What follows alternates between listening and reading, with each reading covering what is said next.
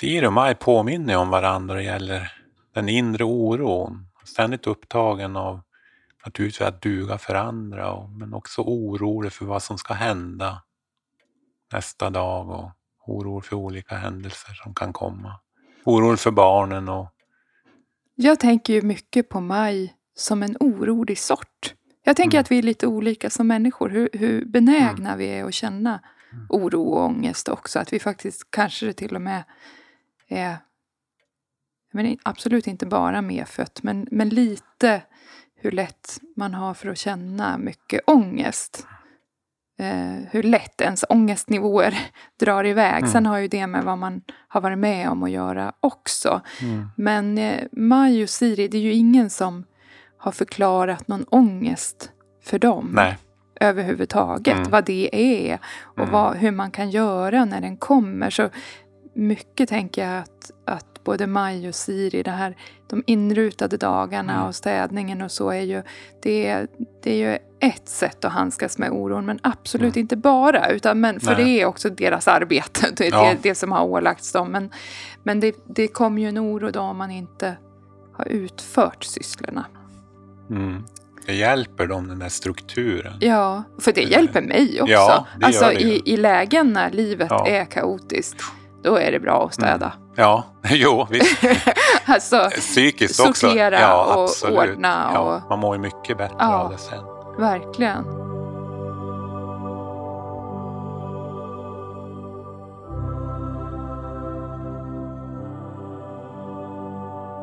Du lyssnar på podcasten Hemmafru med författaren Kristina Sandberg och konstnären Sven Teglund.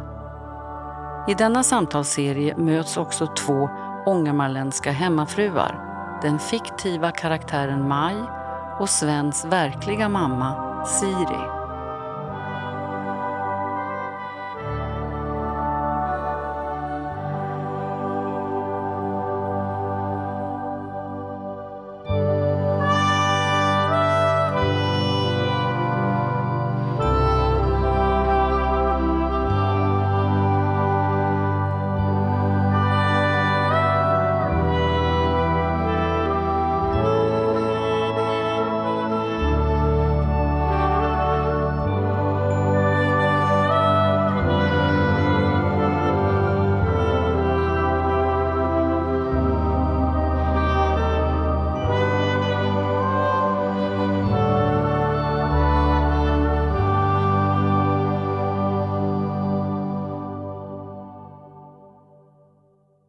Alltså jag, jag skrev ju min tredje roman Ta itu så handlar ju det om en kvinna som går in i en, i en djup depression.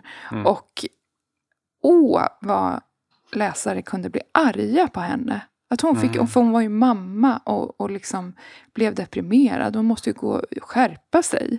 Och den här, det, det kan jag tycka också tyder på en stor okunskap. För att depressioner är liv, en livshotande Mm. sjukdom. Jag Ja. menar, för risken för självmord är, är, är ganska stor. Ehm, de kan läka ut av sig själv men de kan också ta väldigt lång tid att läka. Så att det, det, är liksom en, det, det är ju ingenting man överhuvudtaget väljer. Alltså vem vill frivilligt vara djupt deprimerad? Det är ju ett, ett liksom mardrömstillstånd. Så, Ehm, så att ehm, det finns ju mycket idéer om att det, att det psykiska kan man rätta till själv. Men Mm. idag har vi väl, kan, tänker jag att ja, men det, saker hänger ju ihop. Så det är väl liksom lite både fysiska och psykiska sjukdomar. Ja, man kan göra vissa saker och vissa saker kan man inte göra. Mm. Och det är ju svårt att också kanske stå ut med den tanken att Mm. vissa Men- saker är man inte... Det präglar dem båda det där. Ja, Att de är starkt oroliga Ja. men det går inte att uttrycka det riktigt. för de har ju händelser i sitt liv. Det tycker jag är viktigt att poängtera. Både Siri och Maj har eh, erfarenheter av död i sin Mm. närhet när de är unga. De har erfarenhet av, av liksom ändå en, en viss typ av fattigdom. Mm. Eller liksom att det, så att det, det finns ju mycket som... Livet har ju inte bara varit en räkmacka, om man säger så. Även om de får det stabilare och bättre. Bara att det också har varit ganska oroligt i, i världen. Eh, de föds liksom vid första världskriget och så, andra världskriget. Och så så att det, det, de påverkas ju naturligtvis av att det finns Omvärlden. omvärlden också. Kan du läsa lite grann om, som beskriver det där med Majs oro? Ja, jag tänker att jag, jag Mm. läser ett stycke där... Ja, jag läser ett stycke där man kommer... Eller där man kanske kan få en bild av Maj. Vem hon... Hur hon fungerar. Jag känner mig belägrad, omgärdad, utnyttjad. Kan Maj verkligen höra det här inom sig? En annan kvinnas röst som nedtecknar orden i sin dagbok. Kanske skulle de kunna vara hennes egna. Men mest skrämmer henne den matta oviljan att genomföra Anitas student. Det hjälper inte att Thomas dyker upp i sista stund och lovar henne bilresor till Europa. Vid frukosten dagen innan mottagningen säger Lasse med ett skratt att det ska bli skönt när syrran har fått sin mössa så att man kan andas här hemma igen. Då går Maj bara därifrån. In i sängkammaren, drar igen dörren. Har hon magverk? Hon är ledsen. Går det så lätt att få tag i känslan? Jag är ledsen. Det var ju snarare ilskan som fick henne att stänga dörren hit in. Om hon bara skulle låta bli att förbereda snittar, tårtor, kaffebröd. Och så kommer vi lite längre fram i romanen Liv till varje pris. Är du kvinnomartyren, husmorstyrannen, Maj? Som tynger din omgivning med olust, trötthet, en förlamande känsla av otillräcklighet medan du springer från syssla till syssla. Vad ska man göra åt kvinnorna i hemmen som envisas med att inte må bra? Ja, hur radioprogrammet vill ringa in och hjälpa de lidande husmödrarna att återfå kraften att verka effektivt i sina hushåll. Men aldrig uttala underordningen, orättvisorna, bristande reell makt. Inte påstå att kvinnornas ansvar kan bli övermäktigt, att de saknar befogenheter för att på allvar kunna påverka sin situation. Nej, är inte den rätta lösningen att de besvärliga kvinnorna ständigt måste bli lyhörda för nya arbetsuppgifter? Och en av våra viktigaste just nu är att komma underfund med oss själva. Hur svårt blir det inte att ta sig an dagsverket med den devisen? Det är upp till dig, Maj, om du vill må dåligt eller bra. Mm. Ja, Där beskrivs ju det där. ja Det är upp till dig det är upp med till dig psyket. med psyket. Ja. Hon, hon blir ju, hon går och söker ju läkare också för magen. ja.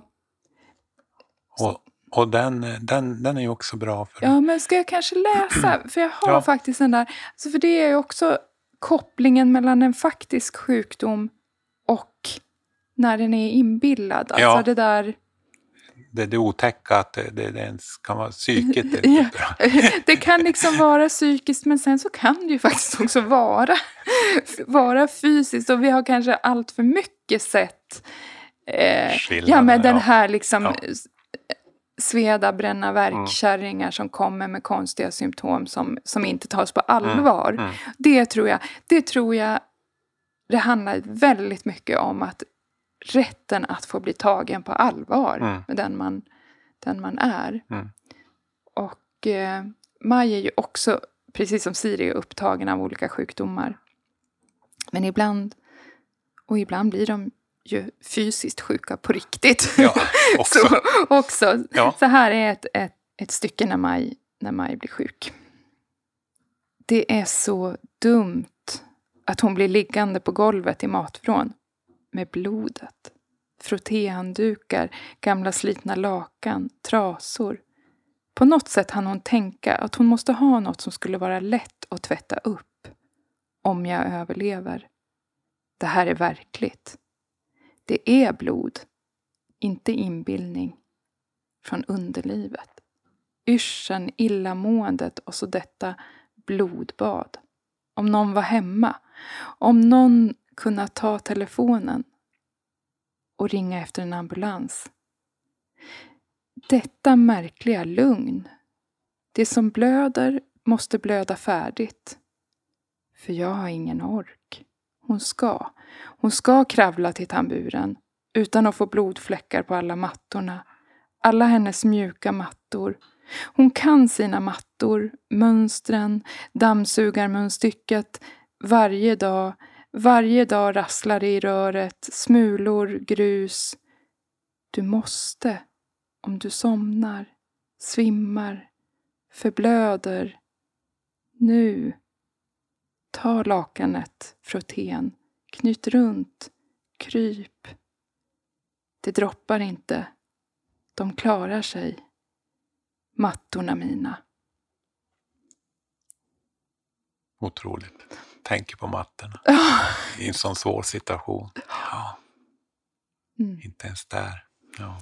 Och Siri vet jag torkar också mat nya mattan. Det skriver hon om. Det är någon matta hon sköter på ett speciellt Ja, sätt det- i dagboken. det kanske är Ja. så.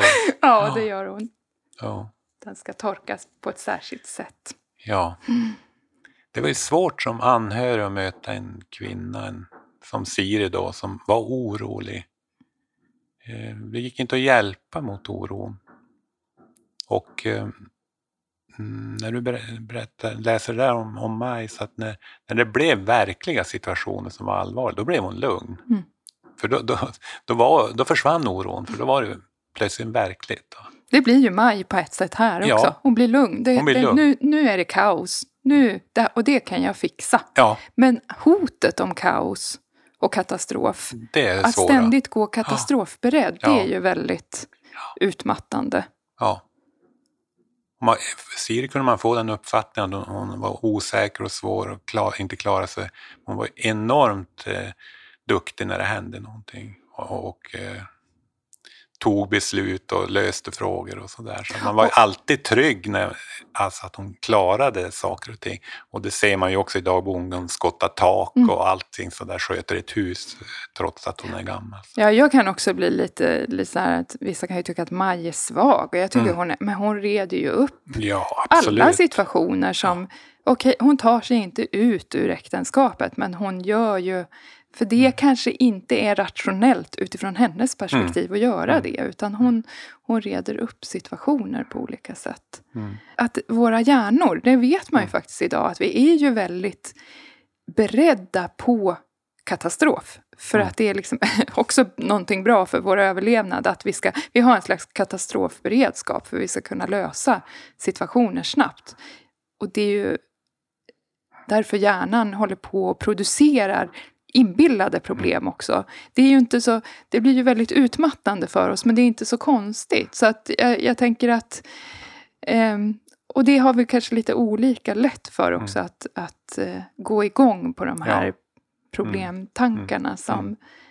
som och Siri, de, de, på ett sätt så förbereder de sig ju en stor del av livet för att kunna klara det där. Mm.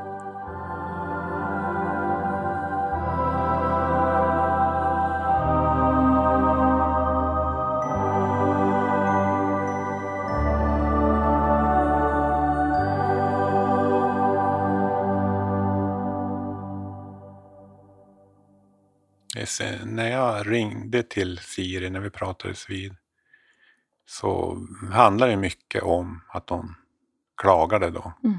och liksom beklagade sig över, olika problem och sådär. Eh, sen dessutom var det ju så att eh, hon hörde dåligt. Så det gick inte att hålla ett samtal riktigt på telefon.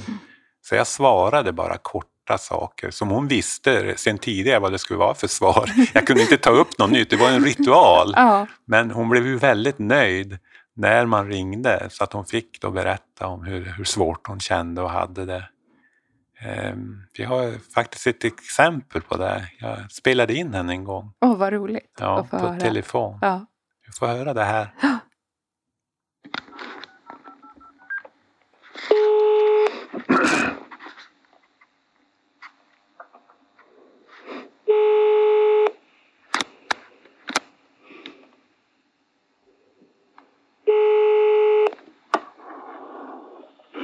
Ja, hallå?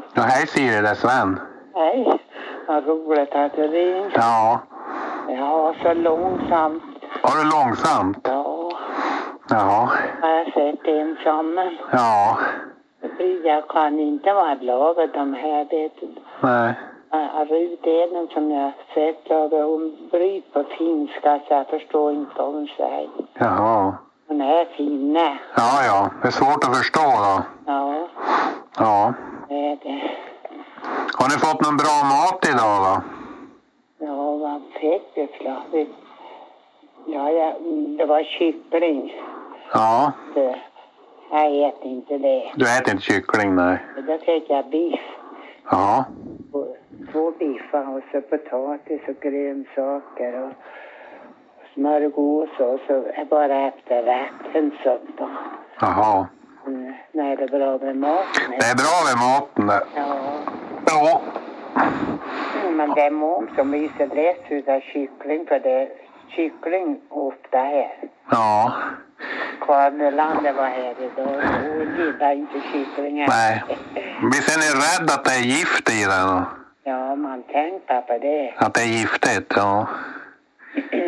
Ja, för det, det har, har lite snö här nu. Ja, ni där. Ja, Vad skönt. kom med lite snö igår. Ja. Och så, så det är ju som blir ljusare. Ja, det är skönt när det är lite snö. Ja, det har väl ni också. Ja, inte mycket, men det är vitt på backen i alla fall. Det är så här och, Ja. och det blir ju som ljusare och roligare. Ja, det är det. Är det. det. Vi har åkt skridskor idag. Jaså? Ja, ute på isen här. Jaha. Det var roligt. Ja, tror det är ingen is här. Nej. Att det är bara godväder. Ja. Det det- Jag tror det var fem grader varmt igår.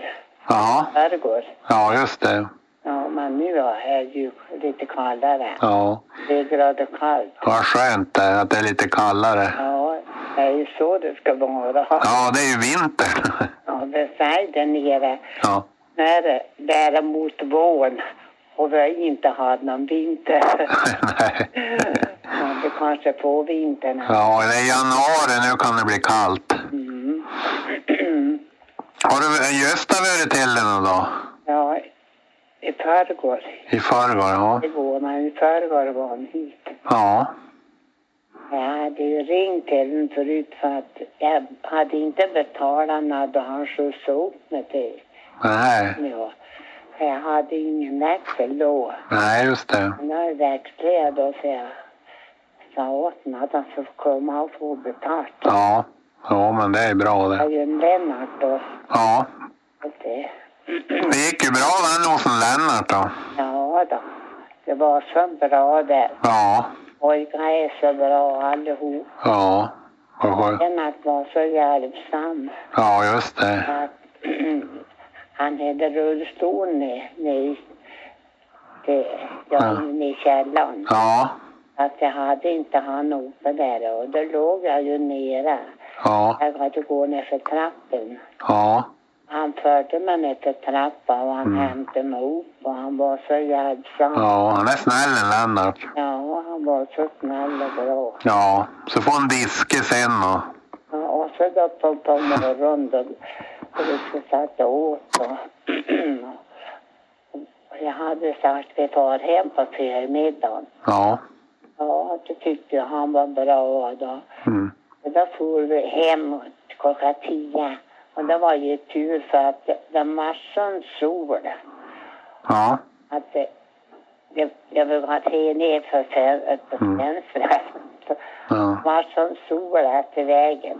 Ja, just det. Det var svårt att köra och se vägen då. Ja. Ja. Så hade Malena päron och, och lite matväse hit Mm. som man värmt upp och åt här. Ja. Så for de hem innan det vart mörkt. Ja.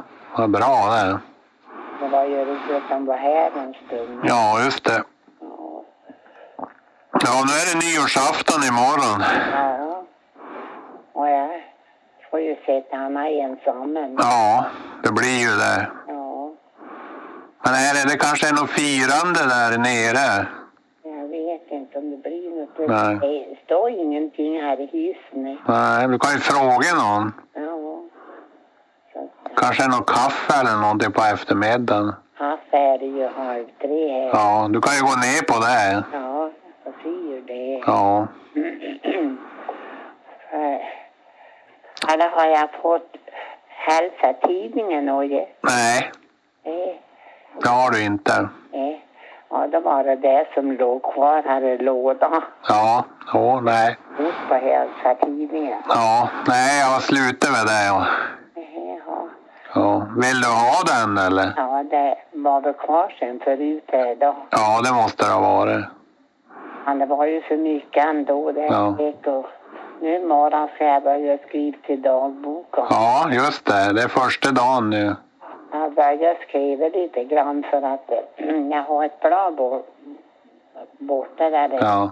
Anneboka. Jaha, just det. 207 bokar. Ja, just det. 207. Jag skrev ju som på den bladet, Mm. det är nyårs. Mm. Så därför får jag börja på den här nyboken. Ja, men den börjar inte förrän på, på tisdag, va? Mm. Det är första på tisdag. Det är 31 imorgon. Ja, det är först, den första på tisdag. Ja, på tisdag är det, ja. ja. Det är då det börjar. Jag har gått och önskat att någon ska ringa till mig. Ja, Vad roligt att ringa. ja. Jag tänkte jag skulle ringa nu ikväll. Jag får önska gott nytt år. Ja, Och jag hade fot. ja. Vi önskar dig också ett gott nytt år. Ja. Ha det så bra. Jag har det så bra. Mm. Ja. Ja, Ja. Hoppas jag kan få träffas någon ja du får göra det. på våren. Ja, på våren får det bli. Ja. Ja, Hälsa åt pojkar och Karin och... ja det ska jag göra. Mm. Hej då. Hej och tack för att du ringde. Ja, hej då. Hej då. Hej. Tack. Ja. Ja, vad, vi, vi har suttit och skrattat lite här. ja jo. Det är så är mycket väl- i det där. Det är så mycket. Och så är det ju så roligt. Hon har, hon har ju samma dialekt. Det, jag känner ju, jag got Ja. ju gå. Jag got ju gå ner. Alltså, Ja. För mig blir det, det blir sån igenkänning av min, Ja, mina egna släktingar Mm. också. Och när jag Mm. jobbar i hemtjänsten i Sundsvall och sådär. Ja. Alltså. Men det är, mycket, det är mycket i det här samtalet. ja, det är mycket. Ja. Jag minns det inte så att vi pratade, att, jag, att hon hörde mig, men det Nej, gjorde hon, hon gör ju det. Hon, gör ju det. Hon hör ju det. Det var nog senare. Det. Ja. Men, men det här hör hon inte, så vi Mm. går ju att prata. Och den där förgiftade kycklingen. Ja, Vad är kyck- ja, det, det är roligt, för det, det, det tänker jag var det... Det blir bara ett litet spår, men vad, alltså att kyckling har liksom ansetts som... För det var ju också fin mat. Det var ju riktigt Mm. fin mat på, på 30, 40, jaha. 50-talet. Då var det lite lyxigt med kyckling. Mm. Men sen så... Om det liksom hände någonting där då när det blev...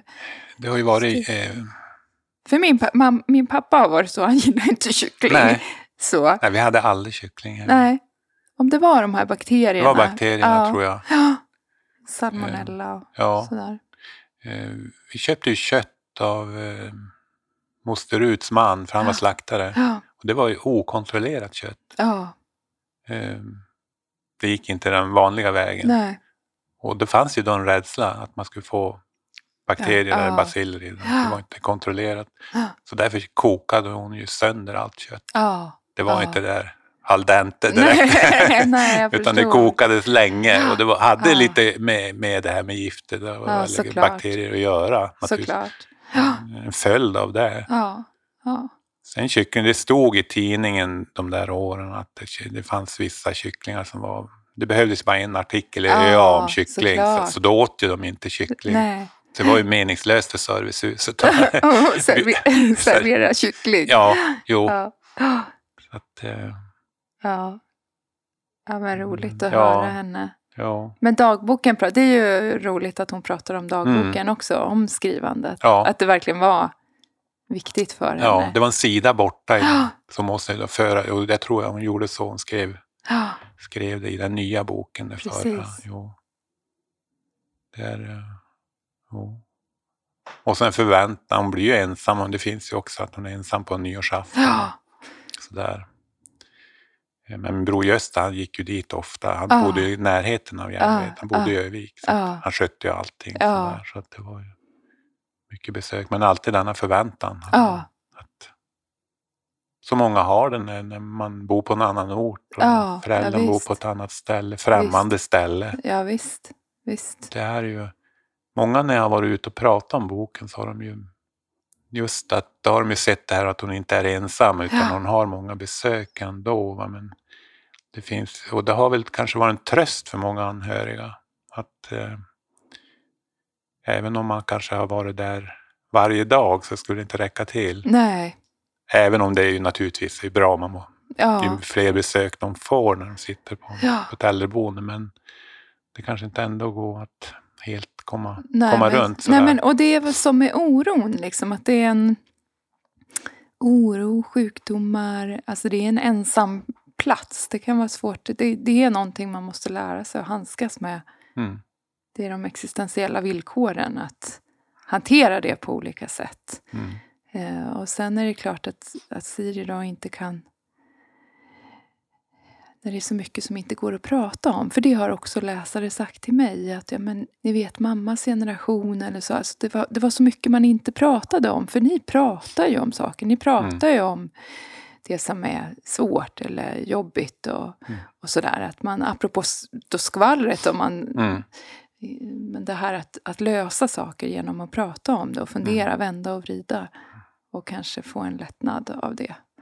Eh, Men sen kan ju pratet ibland bli ett ältande som förstärker någonting också. Det är klart, Mm. det, det finns också en, ett slags mall för vad, vad Siri berättar för dig och, och Ja, för, att, det- för det- att du ska, ska komma. Ja, och precis. där, om ni, kanske om ni träffas liksom. Ja, det, det är ju en, det är en, mycket av en form av ritual. Ja. Alltså att man, vilken nivå det hålls Ja. på. Det håll, jag ser ju den nu, eller jag hör ju den nu att det, det håller ju sig på dagboksnivå. Ja. Maten, vädret Maten och, och snön och ja, det är där kommunikationen var. Men i verkligheten var det ju så att jag hade ju en nära relation så jag fick ju veta väldigt mycket. Ja. Och det stämmer ju inte heller att det var tyst mellan väninnorna om Nej, problem. Det nej. pratades väldigt ja. mycket. Ja. Däremot tystnad mellan ma makarna, alltså i familjen. Och, och gentemot oss barn om Mm. att man inte fick veta Nej. saker och ting. Man fick gissa sig till. Ingen berättade för barn. Nej. För det var ju så att man betraktades ju nästan som att det var bättre att man inte visste. ja. För då blev man inte skadad av Nej. det. Nej, men det var ju ett sätt att skydda. Det var ju kunsk, kunsk, en låg kunskapsnivå Ja, om ja, barn. Precis. Eller hur? Ja, men absolut. Eh, Och en idé om att inte tynga andra med sin, Mm. sin oro. Tänker jag att det, det var väldigt mycket. Och så blev det de här gissningarna och kanske... Jag tänker ju att när, när någon har gått igenom ett trauma och inte har ord, det kan ju ta flera generationer innan man Mm. kan sätta ord på vad det var någon gick ige- igenom Mm. egentligen. För att liksom kunskapen måste hinna i fatt. Så kan jag tänka ibland på ja, men att man kanske får ett sår på något sätt i en generation och Mm. eh, nästa generation kanske förkroppsligar själva lidandet och så kanske tredje generationen kan, kan, sätta, kan sätta ord på det eller förstå det på ett annat sätt. Mm. Vi, och vi har alla våra generationer inom oss också väldigt mycket, Mm. tänker jag. Mm. Att det inte... Det är väl därför det kan vara så viktigt att belysa det. Eh, även om man tänker att det där var en historisk Mm. epok. Det ser man ju särskilt vid när någon eh, förälder går bort. När det blir kvarlåtenskapen ska delas och sådär. Att den relation som barn har haft eh, när de var liten i förhållande till föräldrarna. Den, den, kom, den poppar ju upp ofta kring kvarlåtenskapen. Kanske 60-70 år senare. Ja, ja visst. Eh, och en liten, där, där orättvisa mellan syskon Ja, kan plötsligt blomma upp och slå till och skapa eh, långvariga släktkonflikter kring ganska värdelösa saker. Det handlar inte om sakerna. Men det är ju väldigt vanligt att barndomen upprepas eller lyfts upp igen i slutet av livet på något sätt. Eh, Min pappas släkt eh, hade en släktkonflikt när min farmor dog. Det var en vävstol. De gjorde upp sådana här, man gör högar. Att, och sen lottar man ut högarna. Men i en av högarna låg det en vävstol som en av syskonen hade blivit lovad av föräldern. Men det skrevs aldrig någonting. Så vävstolen gick till någon annan. Och eh, det höll på hela min uppväxt, denna konflikt. Det, det splittrade släkten. Och, och syskonen var i två läger och det pågick i många år. Och jag har tänkt mycket på det. det. Det har ju inte någonting med vävstolen att göra. Det är ju vad man har fått när man var barn. Och de var många barn. Så jag kan tänka mig att det fanns behov av mer hos, hos de syskonen. Att det Mm. räckte inte fullt ut. Och det spelades upp i, i det där ögonblicket.